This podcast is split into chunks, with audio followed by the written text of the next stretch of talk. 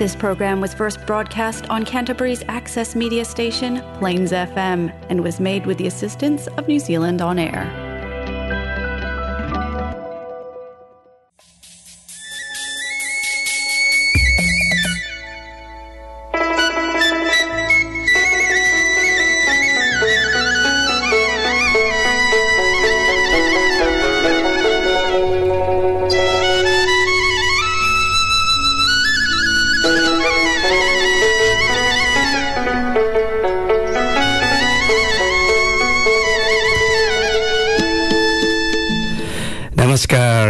Plains FM ninety six point nine मेगाजमा यो हो क्राइसिसवासी नेपालीहरूको आफ्नै कार्यक्रम कार्यक्रम नमस्ते नेपाल।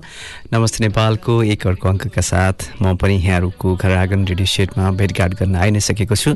सन् दुई हजार एक्काइसलाई विदा गरिसकेपछि सन् दुई हजार बाइसको यो शुभकामना पनि यहाँहरूलाई व्यक्त गर्न चाहे। यहाँहरूको सुस्वास्थ्य दीर्घायु अनि मनले चाहे आँटेका कुराहरू अलिकति सकारात्मक तरिकाले अगाडि बढुन्। यहाँले चाहेका कुराहरूमा बिस्तारै यहाँहरूलाई सफलताहरू मिल्दै जाउन्। आत्मसन्तोषहरू पनि मिल्दै जाओस्।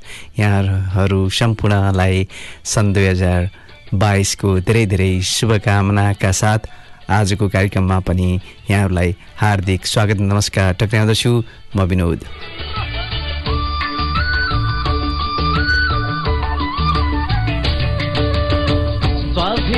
हजुर श्रोता के कस्तो हुनुहुन्छ?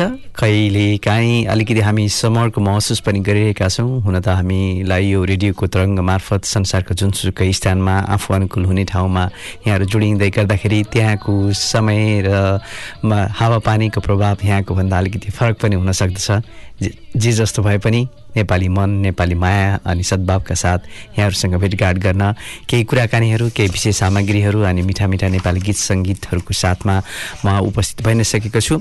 क्राइसिसमा क्रियाशील रहेको Nepal Nepal New Zealand friendship society क्यान्टबरीको प्रस्तुति कार्यक्रम नमस्ते नेपाल यो साप्ताहिक कार्यक्रम हो भने सन् दुई हजार सातदेखि सुरु भएको यो कार्यक्रमको निरन्तरता हामी नयाँ वर्षमा पनि यहाँहरूको साथ सहयोग र सद्भावको हामी उस्तै खालको अपेक्षा राखिरहेका छौँ र यहाँहरूको त्यस्तै खालको सद्भाव आगामी दिनहरूमा पनि उस्तै र उत्साह उत्साहजनक तरिकाले मिल्छ भन्ने अभिलाषा आशा अनि पनि लिएको छु। श्रोता सम्भवतः अब क्रिसमस अनि नयाँ वर्षको यो विदाको समय यहाँहरू पनि आफ्नै खालका क्रियाकलापहरूमा आफ्नै खालको भेटघाट अनि मनोरञ्जन वा भनौँ अलिकति विश्राम अनि घुमघामले नै बिताइरहनु भएको छ जस्तो पनि लाग्छ। हुन त श्रोता अब कोरोनाको क्रम पनि छ अब ओमिक्रोनको प्रभाव पनि छ हामीले अलिकति सतर्कता पनि अप्नाउनु पर्ने अवस्था छ। हुन त सबैतर्फ त्यस्तै खालको समस्या रहि नै रहेको छ। अब हालसम्म विश्वमा अठाइस करोड सात लाख यस समग्र कोभिडको कुरा गरिएको छ। अठाइस करोड साठी सत्तरी लाख कोभिडबाट सङ्क्रमित भएका छन् भने पचास लाखभन्दा बढी व्यक्तिहरूको दुःखत्रबाट मृत्यु भएको छ। अझै पनि कोरोना भाइरस हाम्रो दैनिक जीवनको अभिन्न हिस्साकै रूपमा जीवित छ र अब घर बाहिर निस्कन साथ बिना मास्क किन्न सक्ने र सुस्नै नसक्ने अवस्था पनि छ। त्यस्तै कुरा हामीले पनि स्थानीय रूपबाट अवलम्बन र व्यावहारिक रूपबाट अप्नाइ नै रहेका छौँ। श्रोता अझै पनि खोप वितरणमा असमाना असमानता कायमै रहनु थाहा भाइरस थप विकसित भइरहेको जोखिम पनि उत्तिकै छ। भनौँ खोप वितरणमा भइरहेको असमानताले पनि भाइरसको यो नयाँ भेरिएन्टहरू फैलनका लागि मद्दत पुर्याइरहेको पनि अब डब्लुएचओले त्यसतर्फ सचेत बनाएको छ। श्रोता विश्व स्वास्थ्य सङ्गठन डब्लुएचएले अहिलेको महामारी अन्त्य गर्न नयाँ लक्ष्य राख्दै आगामी जुलाईसम्म सबै राष्ट्रले आफ्ना सत्तरी प्रतिशत जनतामा खोप लगाइसकेको हुनुपर्ने जनाएको छ। खोप वितरणमा अझै पनि असमानता हुनाले नै ओमिक्रोन जस्ता भेरिएन्ट उत्पन्न हुँदै गएको भन्दै डब्लुएचओले जति लामो समयमा यस्तो खालको असमानता रहिरहन्छ भाइरसको स्वरूप पनि परिवर्तन हुँदै जाने र आगामी दिनमा पनि बढ्दै जाने उत्तिकै सम्भावना हुन्छ भन्नेतर्फ विकसित देशहरू मानिसहरूलाई सचेत हुन र यसमा वितरणमा पनि अलिकति प्रभावकारी रूपबाट क्रियाशील हुनको लागि पनि अनुरोध गरेको छ वा सचेत हुन आग्रह गरेको अवस्था छ। अब यो त कोरोनाको कुरा भयो नयाँ वर्षको पनि हामीले कुरा गरि नै सकेका छौँ श्रोता तर अब अलिकति हुन त अलिकति हाम्रो राजनैतिक रूपबाट व्यस्तताहरू राजनीतिक खबर हाम्रो व्यस्तताभन्दा टाढाको खबर रहेन। राजनीतिक व्यवस्था पनि ठुला ठुला पार्टीहरूका महाधिवेशनहरू पनि लगभग सकिएका छन्। तर अब यसै बेलामा नेपाली भूमिलाई आफ्नोतिर पार्ने गरी महाकाली नदीको नाम नै परिवर्तन गरेको यो खबर पनि आइ नै सकेको छ। त्यसमा त्यसमा ठुला पार्टीहरू सरकार राज्यको तर्फबाट कस्ता खालका प्रतिक्रियाहरू आउँछन् आउनुपर्ने समय अझै पनि गुज्रिसकेको छ। अझै पनि ढिला भइसकेको हामीले महसुस गरिरहेका छौँ तैपनि अब प्रतिक्रिया आउन बाँकी नै छ। अब यसै बेलामा भारतले काली वा आफ्नो महाकाली नदीको नामै फेरेर कुटी याङती बनाउँदै नयाँ नक्सा जारी गरेपछि भारतको नियत वा भनौँ भारतको नियतमाथि फेरि पनि गम्भीर रूपबाट आशंका गर्नुपर्ने देखिएको छ अङ्ग्रेजी भाषामा प्रकाशित यो नक्सामा भारतले कालपानी कालापानी क्षेत्रको नेपाली भूभागलाई आफ्नोतिर पार्ने गरी महाकाली नदीको नाम फेरेको हो। भारतले निकालेको नयाँ नक्सामा लिम्पियाधुराको मुहान भएको काली कुटियाङती र लिम्पु लेकको दोबानदेखि तलको भाग दक्षिणको भागलाई काली भनिएको छ जबकि यसअघि नै यसअघिका सबै नक्सामा लिम्पियाधुराबाट निस्किने नदीलाई नै काली वा भनौँ हामीले बुझ्ने महाकाली भनिएको छ। चारमा सन् अठार सय सोह्रमा हस्ताक्षर भएको सुगोली सन्धिको पाँचौँ बुधा अनुसार काली नदी पूर्व को सम्पूर्ण भूभाग नेपालको हो। यो सन्धिले अन्तर्राष्ट्रिय सीमा निर्धारण गरेको काली नदीको नाम अहिले कुटियाङती राखेर भारतले रोटी बेटी र साँध जोडिएको छिमेकीको बुढा भूभाग भूगा भूभाग हडप्ने मनसालाई प्राविधिक रूपबाट समेत पुष्टि गर्न खोजेको देखिन्छ तर यसले भने उसको कमजोरीहरूलाई भने उ उजागर गरिरहेको छ। हामीले यस्तै खालका कुराहरू गरिरहेका छौँ। अब यसै क्रममा सीमाविद बुद्धिनारायण शेर श्रेष्ठको यो प्रतिक्रिया पनि म यहाँहरूलाई सुनाउन मन लाग्यो। अहिले निकालेको छ हालसालै। त्यसमा पनि अब काली नदीलाई नाम बदलेर कुटी याङटी भनेर लेखेको छ हेर्नुहोस् अब अघि सौका भाषामा चाहिँ कुटी याङटी भनेको पनि काली नदी नै हो। तर पनि नाम बदलिदियो हो कि? तर अब भारतले किन यस्तो गरिराखेको छ? उसको नक्सामा भन्ने कुरो यो कौतूहलपूर्ण कुरा छ। राष्ट्रियताको निमित्त क्षेत्रीय अखण्डताको निमित्त स्वाधीनताको निमित्त काली या महाकालीको नदीको उद्गम चाहिँ लिम्पियाधुरा हो भनेर किटानी गरेको छ पुराना नक्सा दस्तावेज अनुसार। नदीलाई विस्थापित गर्न सकेन डाँडोलाई विस्थापित गर्न सकेन यो प्राकृतिक कुरो हो। अघि तर नाम चाहिँ विस्थापित गरेर नाम अर्कै हालिदियो।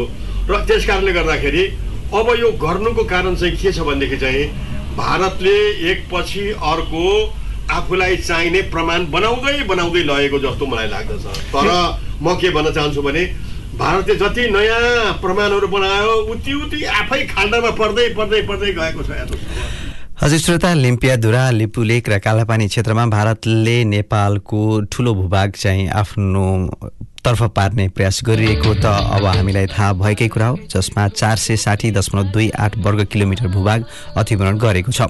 दुई नोभेम्बर सन् दुई हजार उन्नाइसमा नेपाली भूभाग समेत आफ्नोतिर पारेर भारतले आठौँ संस्करणको नक्सा सार्वजनिक गरेपछि नेपालमा त्यसको चर्को विरोध भएको थियो। यद्यपि त्यो नक्सामा काली नदी स्पष्ट रूपमा भारतको तर्फ पारिएको थियो।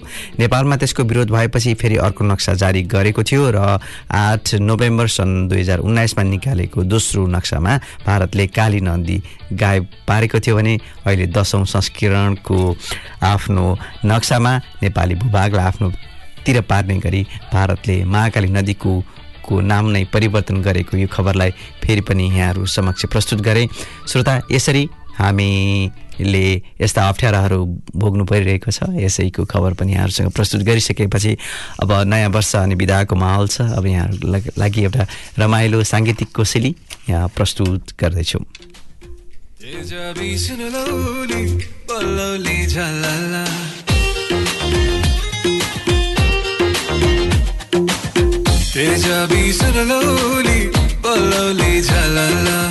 फेरि दिउँला सुवा तिम्रो लाइफको कलर रुपियाँ होइन माया इनकम छ डलर। रुपियाँ होइन माया इनकम छ डलर। चामल छैन होला थक्लाउँछौ खिर।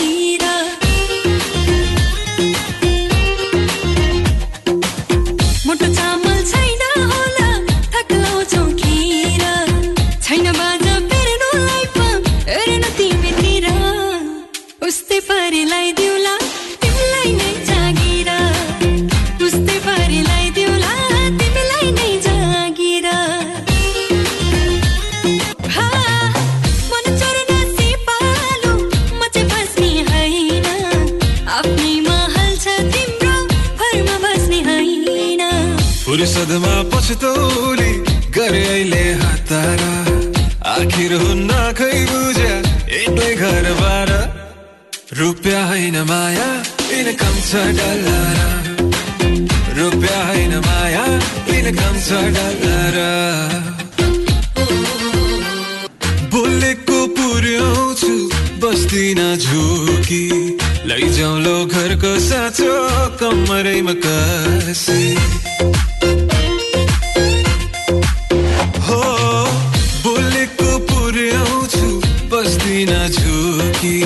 लैजाउँ लो घरको साँचो कमरैमा कसी। दुध भात छ मुखैमा मनको छैन भारा।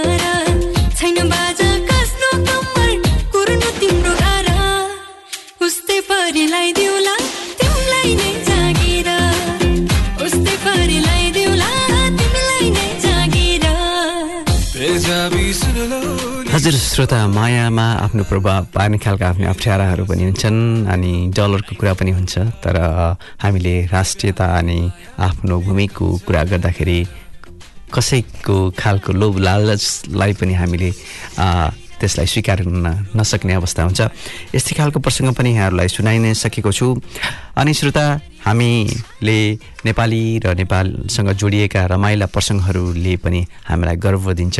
हामी हुन त हामी देशदेखि अलिकति टाढा छौँ हुन त हाम्रा मनका भावहरू देशसँग र नेपालीहरूसँग जोडिएका नै छन् हुन त आफ्नो परिवार आफ्ना नातेदार छरछिमेकहरू आफ्ना आफन्तहरू साथीभाइहरू सबै अलिकति पर नै रहेको अवस्थामा हामीमा त्यो किसिमको भावहरू आउनु स्वाभाविक नै हो। भावनाले नै हामीले सम्बन्धहरूलाई उस्तै हिसाबले समन्वयमा राख्ने प्रयास गरिरहेका छौँ। समयको चक्रले अलिकति अलग अलग ठाउँमा हुनु अलिकति अप्ठ्यारोमा हुनु त्यो स्वाभाविक कुरा नै हो। तर अप्ठ्यारो अवस्थामा अलिकति टाढा हुँदा नै सम्बन्धहरू सुधारिनु र त्यसलाई सुमधुर बनाउनुका चुनौती र रमाइलो पनि आफ्नै खालको हुन्छ। हामी यस्तै परिवेशमा छौँ श्रोता। तर अब हामीले कति नेपालीहरूसँग जोडिएका प्रसङ्गले पनि हामी जुन विश्वको जुनसुकै कुनामा रहे पनि नेपाली र नेपालीसँग जोडिएका प्रसङ्गले हामीलाई रमाइलो नै दिने गर्दछ अब यस्तै खालको खबर आएको छ हामीले अब त्यो खबरलाई पनि म अब सानो रूपले प्रस्तुत गर्छु त्योभन्दा अगाडि यो सानो अडियो क्लिप यहाँहरूलाई प्रस्तुत गर्दैछु only one can be our rematch champion. Who is it going to be? Our MasterChef Professionals rematch champion is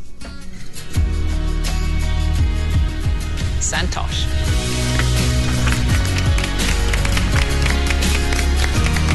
Thank you. I'm feeling great. I think I make a right decision to choose a Nepalese cuisine. We have to go with your heart, go with your roots. So that's what I did. And here I am. I can't wait to call my mom to tell the I, I win. Finally I win. हजुर श्रोता जितको खुसीले पनि अलिकति मन अलिकति बोजिलो बनाएको हुन्छ हुन त यो गर्वमा पनि आफ्नै खालको उत्तराधिकारी अलि अभिभारा लिएको महसुस पनि सन्तोष शाहले गरेका होलान् हामीले त्यस्तै खालको महसुस गऱ्यौँ हामीले नमस्ते नेपालको एउटा अङ्कमा अलिकति अगाडि सन्तोष शाहसँग हामीले फाइनलमा पुग्दै गर्दाखेरि अघिल्लो संस्करणमा फाइनलमा पुग्दै गर्दाखेरि हामीले रेडियो अन्तर्वार्ता प्रस्तुत गरेका थियौँ। धेरैले सुनेर रमाइलो प्रतिक्रिया पनि दिनुभएको थियो। आज यस्तै प्रोफेसनलहरूको रिम्याच भएको प्रतियोगितामा सन्तोष फाइनल्ली विजय भएका छन्। त्यो पनि हाम्रो लागि खुसीको कुरा हो। जुन उनकै आवाजमा हामीले पनि त्यो खुसीलाई महसुस गर्ने अवस्थामा पुग्यौँ। यो अडियो सामग्री मैले यहाँहरूलाई प्रस्तुत गरि नै सकेको छु। श्रोता नेपाली सेफ सन्तोष शाहले विग विगतमा मास्टर सेफ प्रोफेसनल फाइनलिस्टहरूलाई विगतका प्रोफेसनल फाइनलिस्टहरूलाई पुनः अवस अवसर दिँदै प्रतिस्पर्धा गराइएको बिबिसी मास्टर सेफ प्रोफेसनलको रिम्याचका तीन प्रतिस्पर्धीलाई उछिनेर उपाधि जितेको त अलग थाहा भइ नै सकेको छ यहाँहरूलाई। सिराहा कर्जनाका सन्तोषले अठार विभिन्न नेपाली भेगन खाना प्रस्तुत गरेका थिए।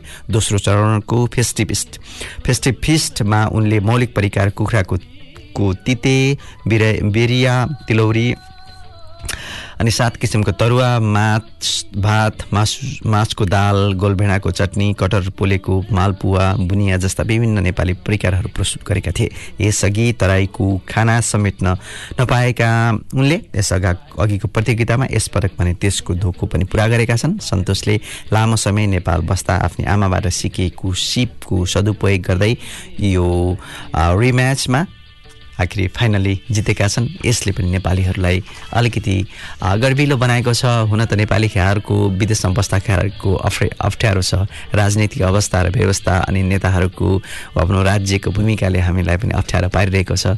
त्यही पनि यी यस्ता खालका ओजपूर्ण कार्यले पनि हामीलाई गर्विलो नै बनाएको छ र नेपालीहरूलाई अलिकति रिनाउन र सुप्रसिद्धि पनि दिएको छ। हामीले गर्व गर्व गर्ने नै कुरा भयो।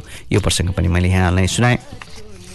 हुन त श्रोता अलि अप्ठ्यारो पनि छ धेरै कुराहरू अप्ठ्याराका साथ पनि आउँछौँ। सिराहाको सन्तोष शाहको यो प्रफुल्लित हुने खबर पनि हामीले सुनाउँदै गर्दाखेरि त्यही सिराहामा इन्द्रजित राउतको अफ अप्ठ्यारोको इन्द्रजित राउतसँग जोडिएको उनी त हुन त वास्तवमा स्थानीय ठेकेदार हुन् तर सर्लाहीको चन्द्रनगर नगरपालिका गाउँपालिकाका तीन युवाको मृत अवस्थामा भेटिएपछि स्थानीय ठेकेदार इन्द्रजित राउतले भारतको उत्तर प्रदेशको फरसया चिस्यान केन्द्रमा बदुवा बनाएर उनीहरूलाई मृत अवस्थामा पुर्याएको र त्यसपछि मृत अवस्थामा नै ती युवाहरू फर्काइसकेपछि पीडित परिवारहरू न्याय माग्दै दुई महिनादेखि सरकारी अड्डामा धाइरहेको खबर पनि हाम्रो लागि कति पनि गर्विलो खबर हुँदै होइन।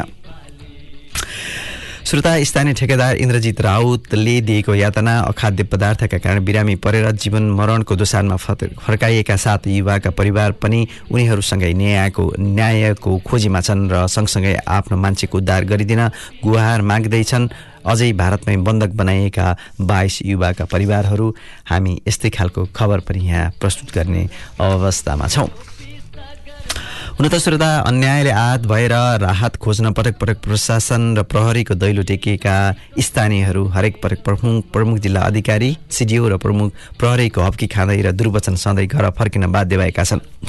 विपन्नको न्यायिक लडाइँमा प्रशासनकै छेकबार गर्दै पीडितहरूले सर्लाईमा सर्लाईका निवर्तमान सिडिओलाई पटक पटक भेटेर न्यायका लागि गुहार पनि गरे तर उनले पीडितको निवेदन नै लिन नै अस्वीकार गर्दै आए। त्यस्तै त्यस्तै उनले त्यस्तै श्रोता घटना भारतमा भएकोले मुद्दा दर्ता आफूहरूको क्षेत्र अधिकारमा नपर्ने भन्दै न्यायको लडाइँमा परिवार प्रहरीले समेत चेकबार लगाउने प्रयास गरिरहेको छ अहिलेसम्म। हुन त श्रोता मुलुकी अपराधी सम अपराध संहिता दुई हजार चौहत्तरले देश बाहिर कुनै पनि नेपालीले कुनै पनि नेपाली नागरिकलाई बन्धक बनाउने हत्या वा त्यसको आशयमा घटना गरेर नेपाल हक घटना गरेमा नेपालमा गणेश र कानुन लाग्ने व्यवस्थालाई समेत राज्यको निकायहरूले व्यवस्था गरेका छन् अनदेखा गरेका छन्। यो मन भारी हुने खालको खबर पनि यहाँहरूलाई प्रस्तुत गरेको छु श्रोता। अब यो पछि भने अब छोटो यहाँहरूलाई फेरि पनि एउटा रमाइलो गीत प्रस्तुत गर्छु। त्यसपछि बाँकी रहेका प्रसङ्गहरूका साथ आजको कार्यक्रमलाई बिट मार्ने बेलामा पुगिसकेको हुनेछु। अहिले नै भने यो रमाइलो गीत। यहाँ शून्यता कालो बादल छाएको जस्तो।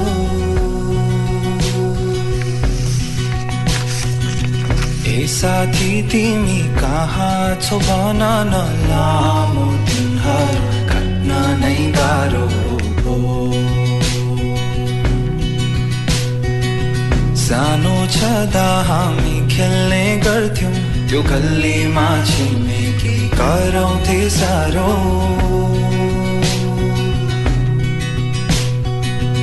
आजको कता छ को कता छ तर मनले मेरो बाल्यकाललाई पुकार्यो। खोजिरहेको छु दिनहरू त्यस्तै जवानीले कहाँ पुऱ्यायो। बाटो छ बेग्लै तर भेट्ने छौँ हामी निराश हुनु पर्दैन भो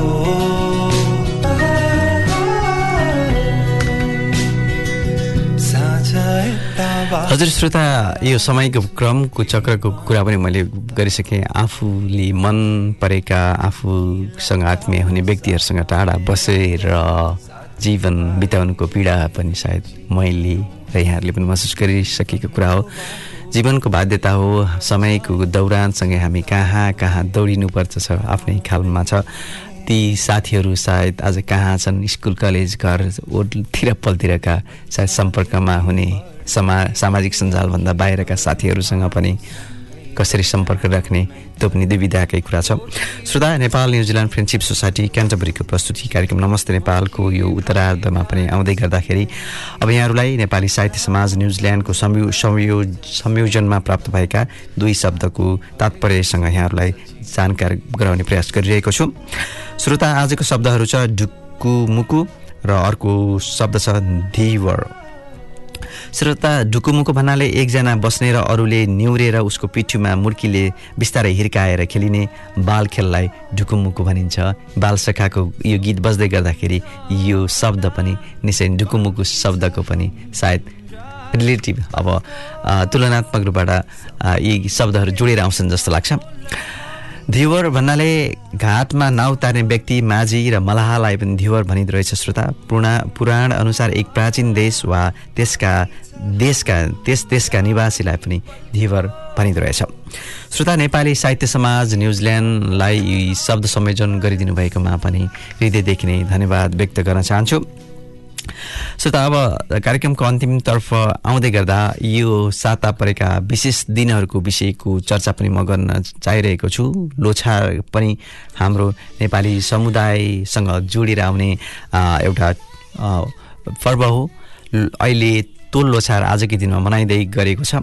तिनवटा लोछारमध्ये यो प्राच प्राचीनतम लोछा लोछार हो सत्य र उज्यालोको पैर पैरवी गर्दै आज तोल लोछार मनाइँदैछ। नेपालका हिमाली जिल्लाहरू हुम्ला जुम्ला डोल्पा मुगु मनाङ र तिब्बत तथा भुटानमा पनि पौष शुक्ल प्रति प्रतिपदाको दिनमा धुमधामका साथ यो पर्व मनाउने गरिन्छ।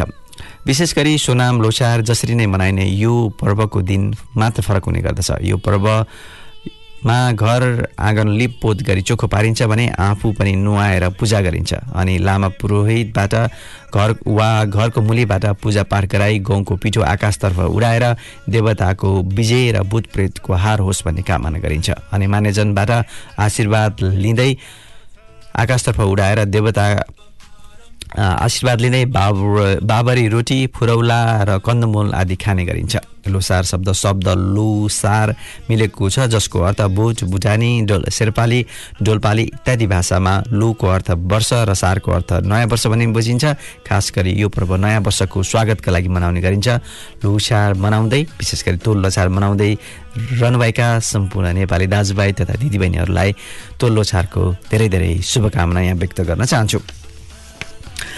श्रोता नेपाली साहित्य समाज न्युजिल्यान्डको गतिविधिहरूको विषयमा पनि हामी अब जोडिने प्रयास गर्छौँ। त्यस्तै नेपाली साहित्य समाजले पनि आफ्नै स्टार आफ्नै हिसाबले कार्यक्रम गरिरहेको छ होला भन्ने आशा गरेको छु। त्यो बाहेक पनि नेपाल न्युजिल्यान्ड फ्रेन्डसिप सोसाइटीले पनि अब भेटघाटको कार्यक्रम गर्ने भन्ने तयारी त होला सायद अब त्यो पनि आइ नै सकेको छैन। यदि त्यस्तो केही भयो भने म यहाँहरूलाई अपडेट अपडेट अपडेट गराउने गराउने नै छु। त्यस्तै अब नियमित रूपबाट ब्याडमिन्टनको खेलहरू भइ नै रहेको छ। भाइ बहिनीको नेपाली क्लास र अब योगाको अभ्यास पनि निश्चय नै अब यो केही हप्तापछि पुनः सुचारू हुनेछ भन्ने आशा गरेको छु। त्यस्तो केही भए म फेरि पनि अपडेट यहाँहरूसँग प्रस्तुत गरे नै छु अब भने जाँदा जाँदै न्युजिल्यान्डको इतिहासमा यो हप्ता परेको एउटा विशेष दिनको प्रसङ्ग यहाँ प्रस्तुत गर्न चाहेँ। यो दिन थियो सन् उन्नाइस सय अन्ठा अन्ठाउन्न जनवरी चार तारिकका दिन। सर एडमन्ड हिलारीले न्युजिल्यान्डको समूहलाई नेतृत्व गर्दै पृथ्वीको दक्षिण बुकमा दक्षिण ध्रुवमा पुगेको दिन थियो यो। सर हिलारीले न्युजिल्यान्डको टोलीलाई सन् उन्नाइस सय बाह्रमा रोबर्ट फाल्कन स्कट पछि दक्षिण ध्रुव ओभरल्यान्डमा पुग्ने पहिलो टोली बनेको थियो र वास्तवमा श्रोता मोटर वाहनहरूसहित त्यहाँ पुग्ने त्यो टोली नै समग्रमा नै पहिलो टोली थियो। श्रोता यसरी आजको कार्यक्रमको म लगभग बिट मार्ने क्रममा आउँदै गर्दाखेरि धर्म भकारीको विषयको छोटो यो रमाइलो हाम्रो परम्परा जुन गाउँघरमा अझै पनि चलनमा रहेको छ त्यसैको छोटो प्रसङ्ग यहाँ जोडेर जान लागिरहेको छु। श्रोता करिब डेढ सय वर्ष अघिको चलन अहिलेसम्म पनि रहेको धर्म भकारीको विषयको चर्चा गर्दै आजको कार्यक्रमलाई बिट मार्न लागिरहेको छु। हुने खानेले उब्जाउ गरिसकेपछि ब्याजसहित अन्न फिर्ता गर्दछन्। नहुनेलाई गाउँलेहरूले मिना पनि गरिदिन्छन्।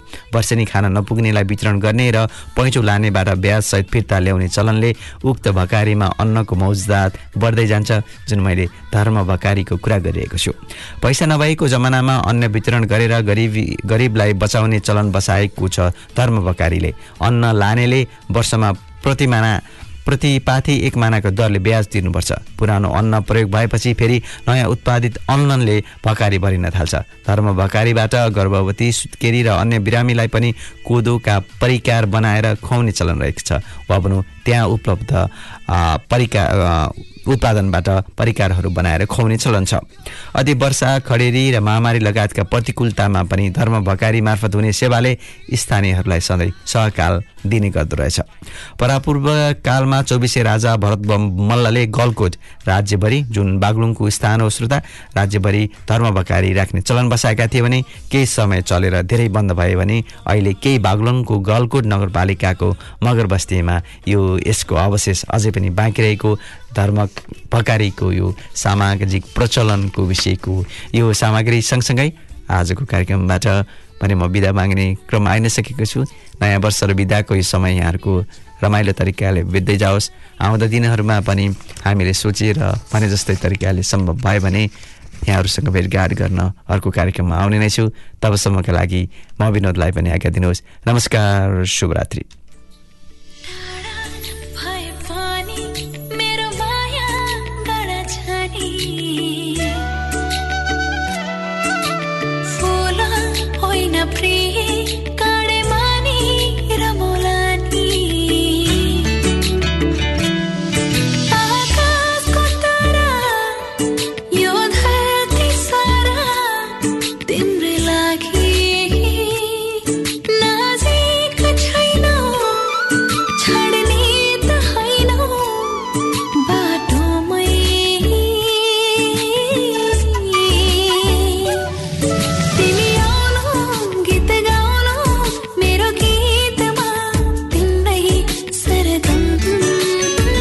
नमस्ते नेपाल नमस्ते नेपाल।